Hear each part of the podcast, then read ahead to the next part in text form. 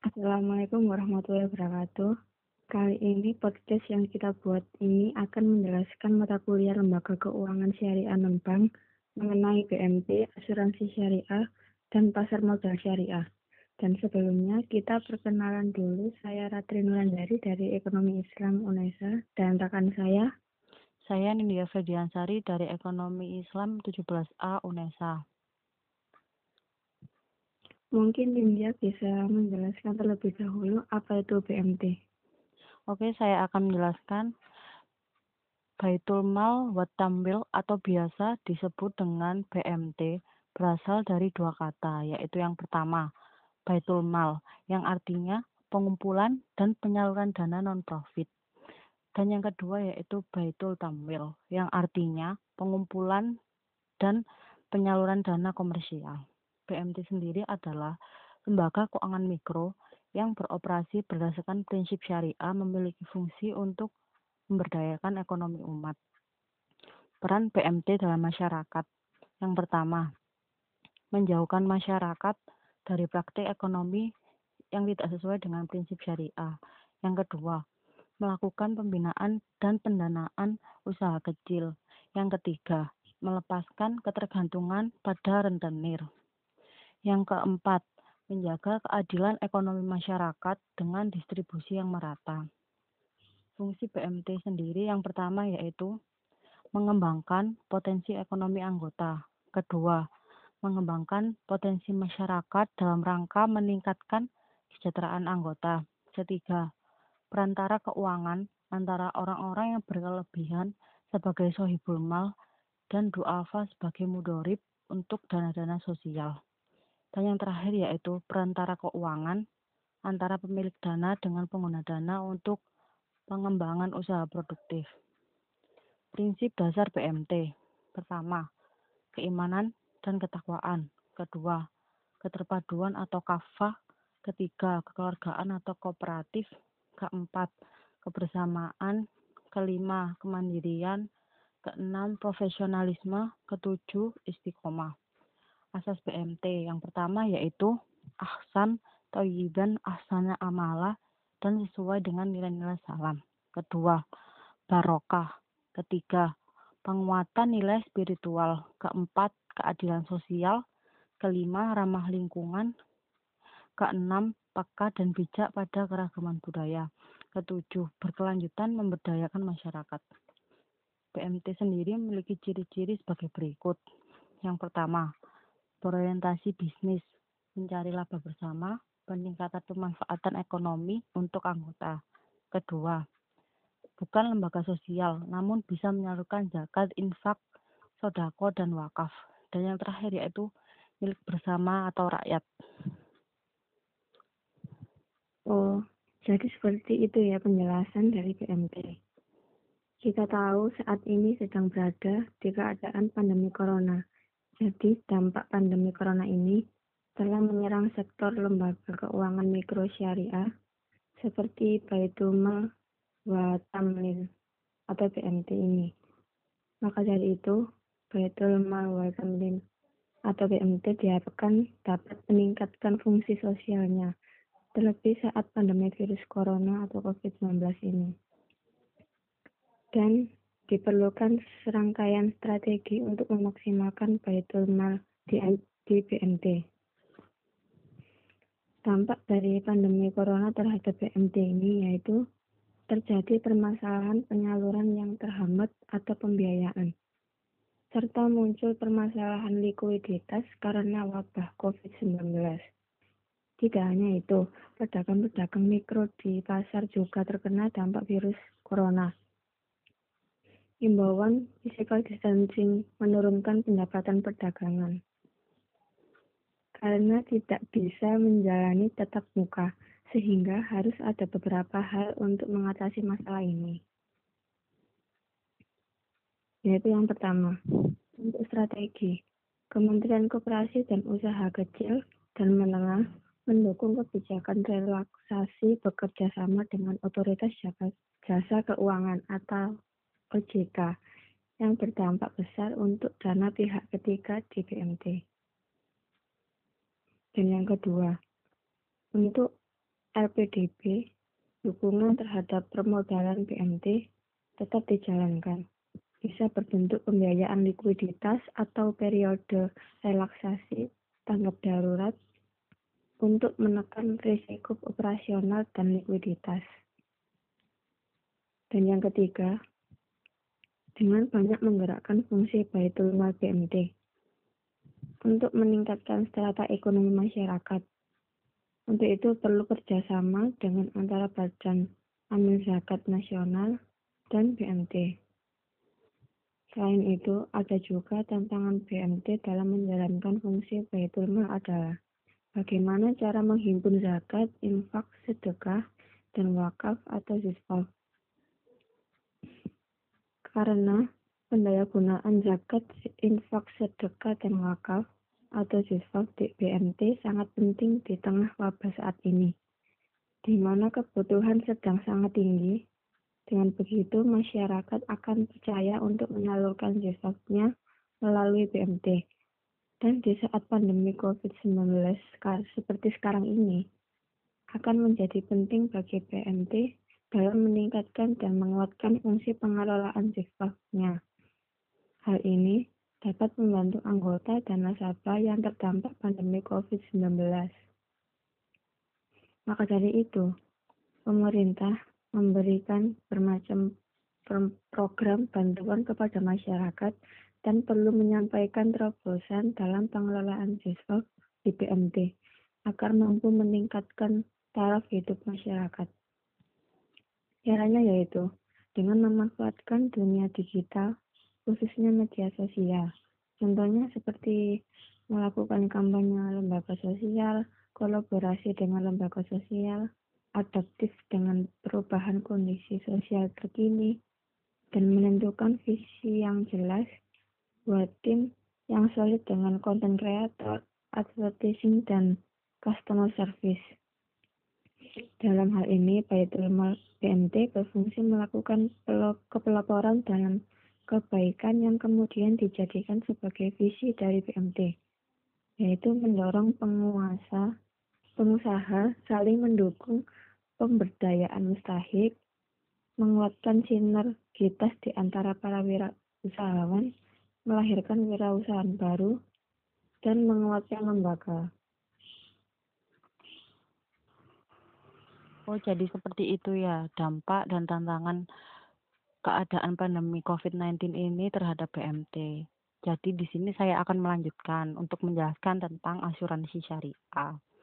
Asuransi syariah sendiri adalah usaha saling melindungi dan tolong menolong di antara sejumlah orang atau pihak melalui investasi dalam bentuk aset dan atau tabaruk yang memberikan pola pengembalian untuk menghadapi resiko tertentu melalui akad atau perikatan yang sesuai dengan syariah.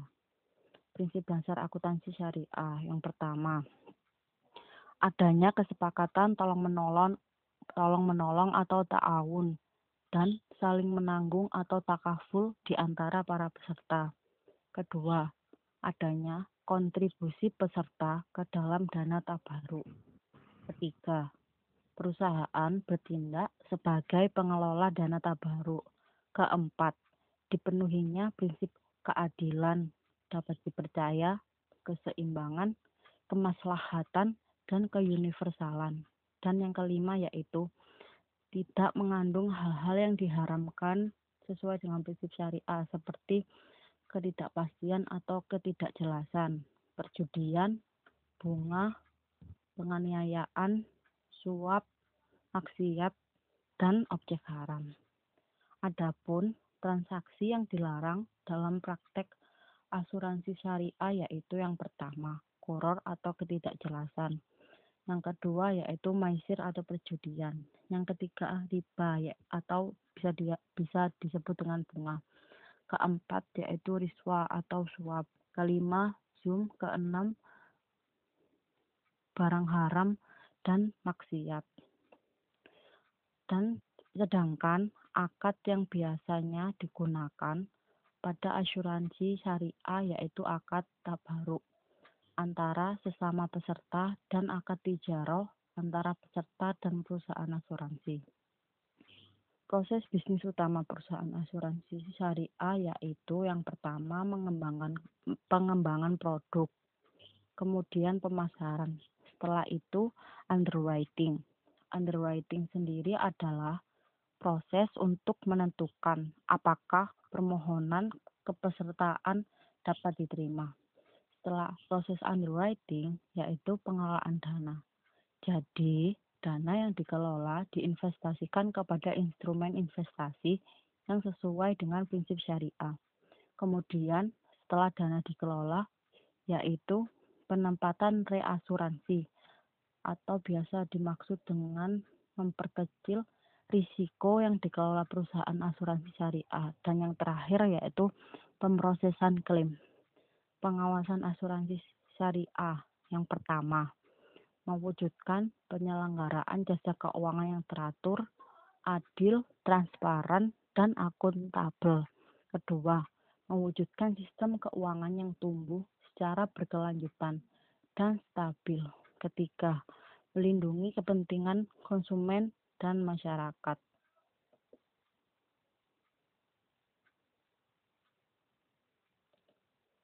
Dan sekarang virus corona juga berdampak pada industri asuransi syariah. Dampak yang ditimbulkan pada industri asuransi syariah pastinya menyebabkan suatu permasalahan, yang mana hal tersebut menciptakan sebuah tantangan bagi perindustrian asuransi syariah untuk segera menyelesaikannya.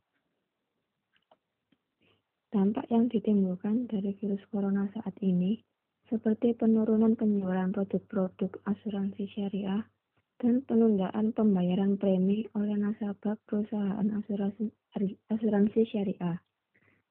Penurunan penjualan produk-produk asuransi syariah disebabkan karena banyak orang yang mengalihkan uangnya terlebih dahulu untuk memenuhi kebutuhan konsumsinya sehari-hari.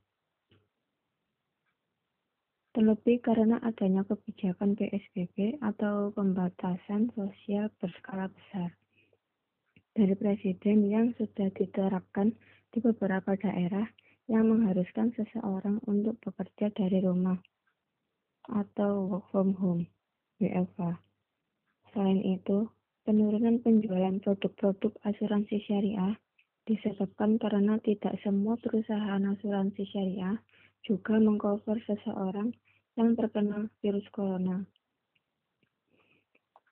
Menurut CNN Indonesia, hanya beberapa perusahaan asuransi syariah saja yang mengcover pandemi ini. Seperti ini, perusahaan asuransi syariah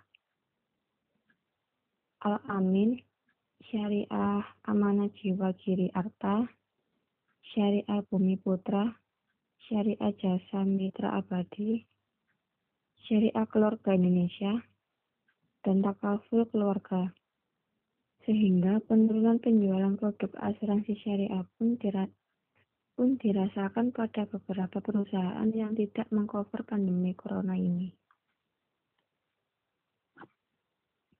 Penurunan penjualan produk-produk asuransi syariah di tengah pandemi ini juga dikarenakan kegiatan marketing dan pendistribusian produk asuransi syariah yang dilakukan terhambat Salah satu faktor terbesarnya yaitu karena adanya PSBB yang diterapkan, sehingga pekerjaan menawarkan produk-produk asuransi syariah kepada nasabah yang dilakukan di rumah saja yang dirasa kualitasnya tidak seoptimal apabila dilakukan dengan langsung menawarkan produk ke nasabah. Jadi, dengan adanya masalah-masalah yang timbul akibat pandemi corona saat ini, perlu adanya peran asuransi syariah, yaitu dengan menawarkan produk asuransi syariah secara langsung kepada nasabah. Proses perhitungan pembagian premi kepada nasabah atau pricing dalam asuransi syariah pun juga akan lebih efektif dan efisien sehingga dapat melindungi perusahaan asuransi syariah dari kerugian yang mungkin terjadi ke depannya. Premi pada asuransi syariah yaitu dana kontribusi yang diberikan kepada perusahaan asuransi untuk dikelola secara syariah.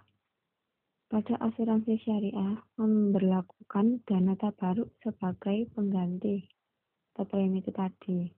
Apabila premi ini mengalami penundaan pembayaran seperti yang terjadi dengan pandemi ini, maka hal tersebut dapat menyusahkan dan merugikan perusahaan asuransi syariah serta nasabah yang lainnya yang membutuhkan dana tersebut.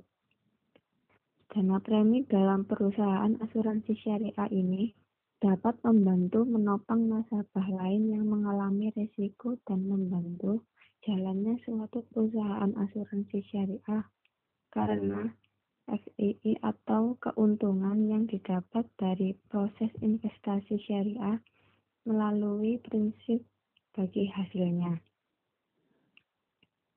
Dilihat dari dampak pandemi virus corona yang terjadi merupakan tantangan tersendiri bagi perusahaan asuransi syariah. Tantangan yang dimaksud adalah bagaimana sebuah perusahaan asuransi syariah akan bertindak menghadapi dampak-dampak pandemi ini, seperti bagaimana caranya melakukan marketing dan pendistribusian produk-produk asuransi syariah kepada masyarakat agar efektif dan efisien. Misalnya, dapat dengan menganalisis bauran pemasarannya ataupun dengan mengubah strategi marketing dan pendistribusiannya, seperti dengan memanfaatkan teknologi untuk penjualannya agar tetap memasarkan produk-produk asuransi syariah, sehingga masyarakat tetap dapat mengetahui dan meningkatkan minat terhadap produk apa yang ditawarkan oleh perusahaan asuransi syariah. Selanjutnya, tantangan perusahaan asuransi syariah yaitu penundaan pada pembayaran preminya. Untuk masalah premi bisa dilihat dari kondisi yang ada jelas Hal ini memang sulit untuk diprediksi sebelumnya. Banyak perusahaan juga mengalami hal semacam ini. Maka salah satu cara menghadapi tantangan ini dengan mengharapkan kebijakan pemerintah melalui OJK sebagai regulator untuk memberikan relaksasi dengan membuat kebijakan-kebijakan yang diharapkan dapat membantu mempermudah perusahaan khususnya pada perusahaan asuransi syariah, penundaan pembayaran premi pada perusahaan asuransi syariah di tengah pandemi corona ini disebabkan banyak faktor. Di antaranya adalah karena kegiatan ekonomi yang tidak berjalan seperti biasanya. Hal ini disebabkan pendapatan seseorang ataupun perusahaan yang mengikuti asuransi syariah berkurang sehingga tidak dapat membayarkan premi secara tepat waktu. Maka dari itu, perlunya kebijakan-kebijakan dari pemerintah untuk mengatasi penundaan pembayaran ini sebagai stimulus agar dapat menyelesaikan masalah yang ada. Kebijakan-kebijakan yang diperlukan seperti kelonggaran dalam pembayaran premi tersebut. Kebijakan ini merupakan bentuk relaksasi penundaan pembayaran premi yang dapat dijadikan suatu kebijakan dalam suatu perusahaan asuransi syariah. Karena kebijakan ini bersifat tidak memaksa. Kebijakan ini diberikan untuk mendukung kinerja perusahaan asuransi syariah serta memberikan kemudahan dalam situasi yang fluktuatif seperti saat ini. Adanya peristiwa yang tidak terduga dan membahayakan seperti pandemi virus corona ini menyebabkan banyak dampak yang menimbulkan tantangan bagi industri perusahaan asuransi syariah. Tantangan yang harus dihadapi dari dampak tersebut tidaklah sedikit. Maka dari itu, perlunya kesiapsiagaan perusahaan asuransi syariah untuk mengatasi dampak tersebut. Tantangan dari adanya pandemi virus corona ini harus secepatnya dihadapi dan diselesaikan. Jangan dibiarkan dan hanya menunggu instruksi dari pemerintah saja. Perusahaan asuransi syariah harus ikut aktif menghadapi tantangan tersebut, karena hal ini akan berdampak ke depannya bagi kebaikan industri perusahaan asuransi syariah dan nasabah perusahaan asuransi syariah tersebut. Terima kasih telah menjelaskan dampak dan tantangan pandemi COVID saat ini terhadap perusahaan asuransi syariah. Di sini saya akan melanjutkan untuk menjelaskan tentang pasar modal syariah. Terminologi pasar modal syariah dapat diartikan sebagai kegiatan dalam pasar modal sebagaimana yang diatur dalam UUPM yang tidak bertentangan dengan prinsip syariah. Oleh karena itu, pasar modal syariah bukanlah suatu sistem yang terpisah dari sistem pasar modal secara keseluruhan. Terdapat beberapa karakteristik khusus pasar modal syariah, yaitu bahwa produk dan mekanisme transaksi tidak bertentangan dengan prinsip-prinsip syariah.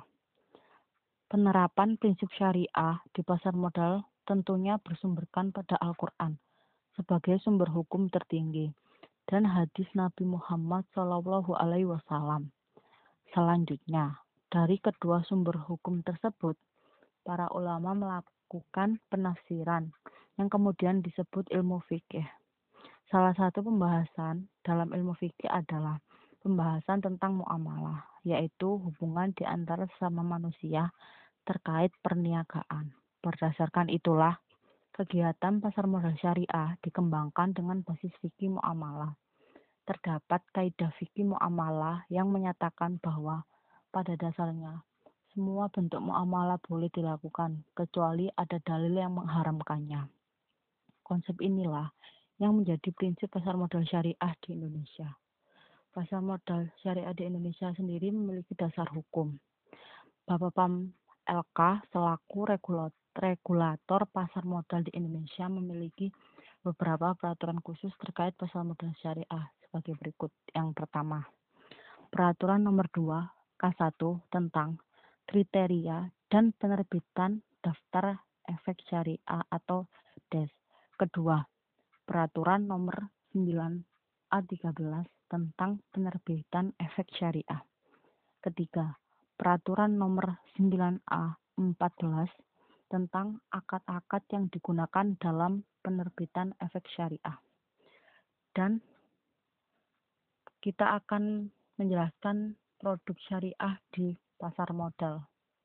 Produk syariah di pasar modal antara lain berupa surat berharga atau efek Sampai dengan saat ini, efek syariah yang telah diterbitkan di pasar modal Indonesia meliputi saham syariah, suku, dan unit penyertaan dari reksadana syariah. Yang pertama yaitu saham syariah. Secara konsep, saham merupakan surat berharga atau bukti penyertaan modal kepada perusahaan dan dengan bukti penyertaan tersebut pemegang saham berhak untuk mendapatkan bagian hasil dari usaha perusahaan tersebut. Konsep penyertaan modal dengan hak bagian hasil usaha ini merupakan konsep yang tidak bertentangan dengan prinsip syariah. Prinsip syariah mengenal konsep ini sebagai kegiatan musyarakah atau syirkah. Berdasarkan analogi tersebut, maka secara konsep Saham merupakan efek yang tidak bertentangan dengan prinsip syariah. Namun demikian, tidak semua saham yang diterbitkan oleh emiten dan perusahaan publik dapat disebut sebagai saham syariah. Yang kedua yaitu suku. Suku merupakan istilah baru yang dikenal sebagai pengganti dari istilah obligasi syariah atau Islamic bonds. Suku secara terminologi merupakan bentuk jamak dari kata syak dalam bahasa Arab yang berarti sertifikat atau bukti kepemilikan. Sementara itu, peraturan Bapepam dan LK nomor 9 A13 memberikan definisi suku yaitu sebagai berikut. Efek syariah berupa sertifikat atau bukti kepemilikan yang bernilai sama dan mewakili bagian yang tidak tertentu atau tidak terpisahkan atau tidak terbagi atau syuyuk atau undivided share atas yang pertama. Aset berwujud tertentu. Kedua nilai manfaat atas aset berwujud tertentu baik yang sudah ada maupun yang akan ada. Ketiga jasa yang sudah ada maupun yang akan ada keempat aset proyek tertentu dan atau yang kelima kegiatan investasi yang telah ditentukan Suku sendiri memiliki karakteristik sebagai salah satu efek syariah. Suku memiliki karakteristik yang berbeda dengan obligasi. Suku bukan merupakan surat hutang, melainkan bukti kepemilikan bersama atas suatu aset atau proyek. Setiap suku yang diterbitkan harus mempunyai aset yang dijadikan dasar penerbitan atau underlying aset. Klaim pemilikan, klaim kepemilikan pada suku didasarkan pada aset atau proyek yang spesifik. Penggunaan dana suku harus digunakan untuk kegiatan usaha yang halal dan sesuai dengan prinsip syariah. Imbalan bagi pemegang suku dapat berupa imbalan bagi hasil atau margin sesuai dengan jenis akad yang digunakan dalam penerbitan suku. Jenis-jenis suku. Jenis suku berdasarkan standar syariah AAO IFI nomor 17 tentang investment suku terdiri dari yang pertama, sertifikat kepemilikan dalam aset yang disewakan. Kedua, sertifikat kepemilikan atas manfaat yang terbagi menjadi empat tipe. Sertifikat kepemilikan atas manfaat aset yang telah ada, sertifikat ke kepemilikan atas manfaat aset di masa depan, sertifikat kepemilikan atas jasa pihak tertentu, dan sertifikat kepemilikan atas jasa di masa depan.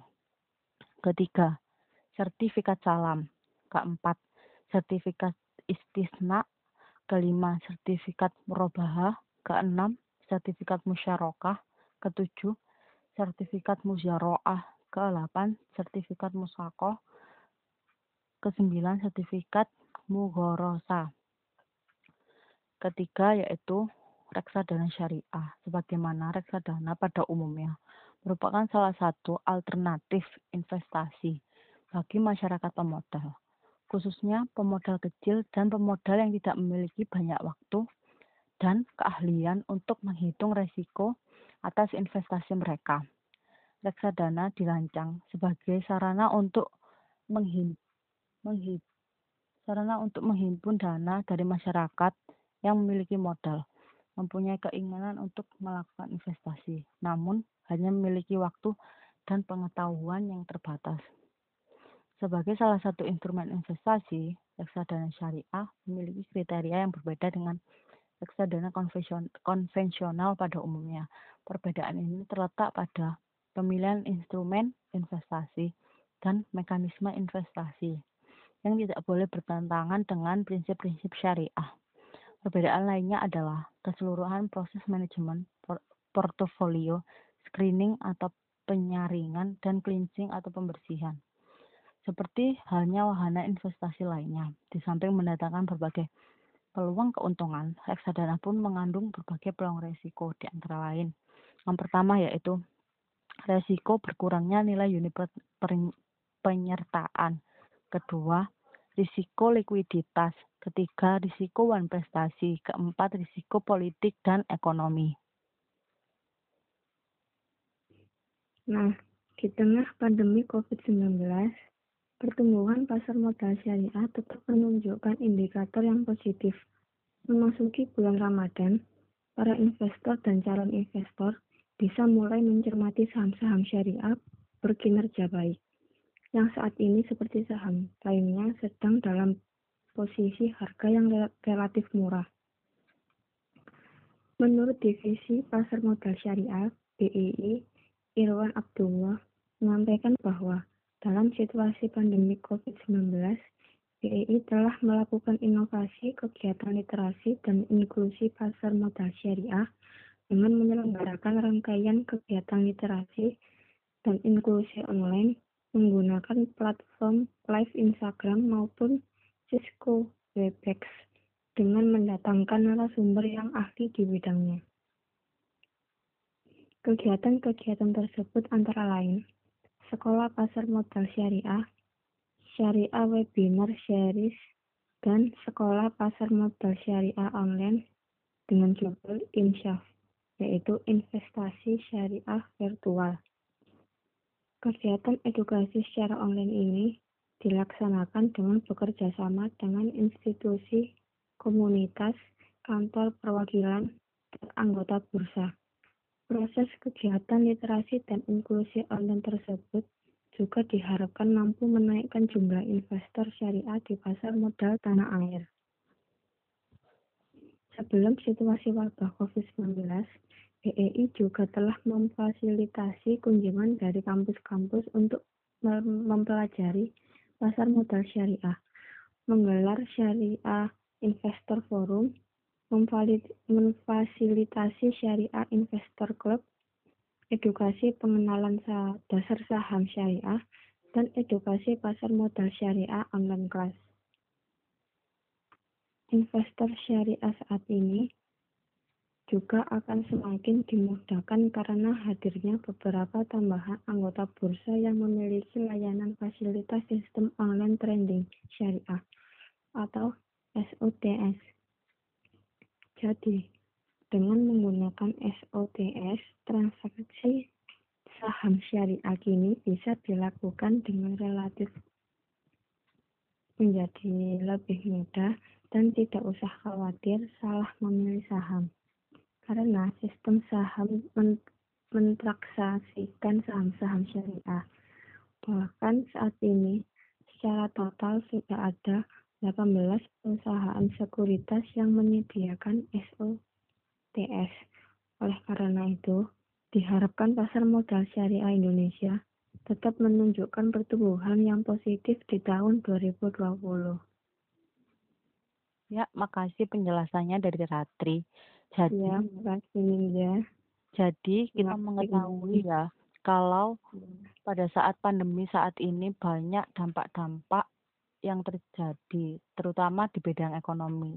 Dan tadi kita telah menjelaskan dampak dan tantangannya di dalam lembaga keuangan syariah non-bank seperti dampaknya di BMT, asuransi syariah, dan pasar modal syariah.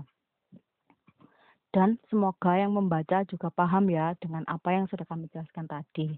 Terima kasih karena telah meluangkan waktunya untuk mendengarkan podcast dari kami. Wassalamualaikum warahmatullahi wabarakatuh.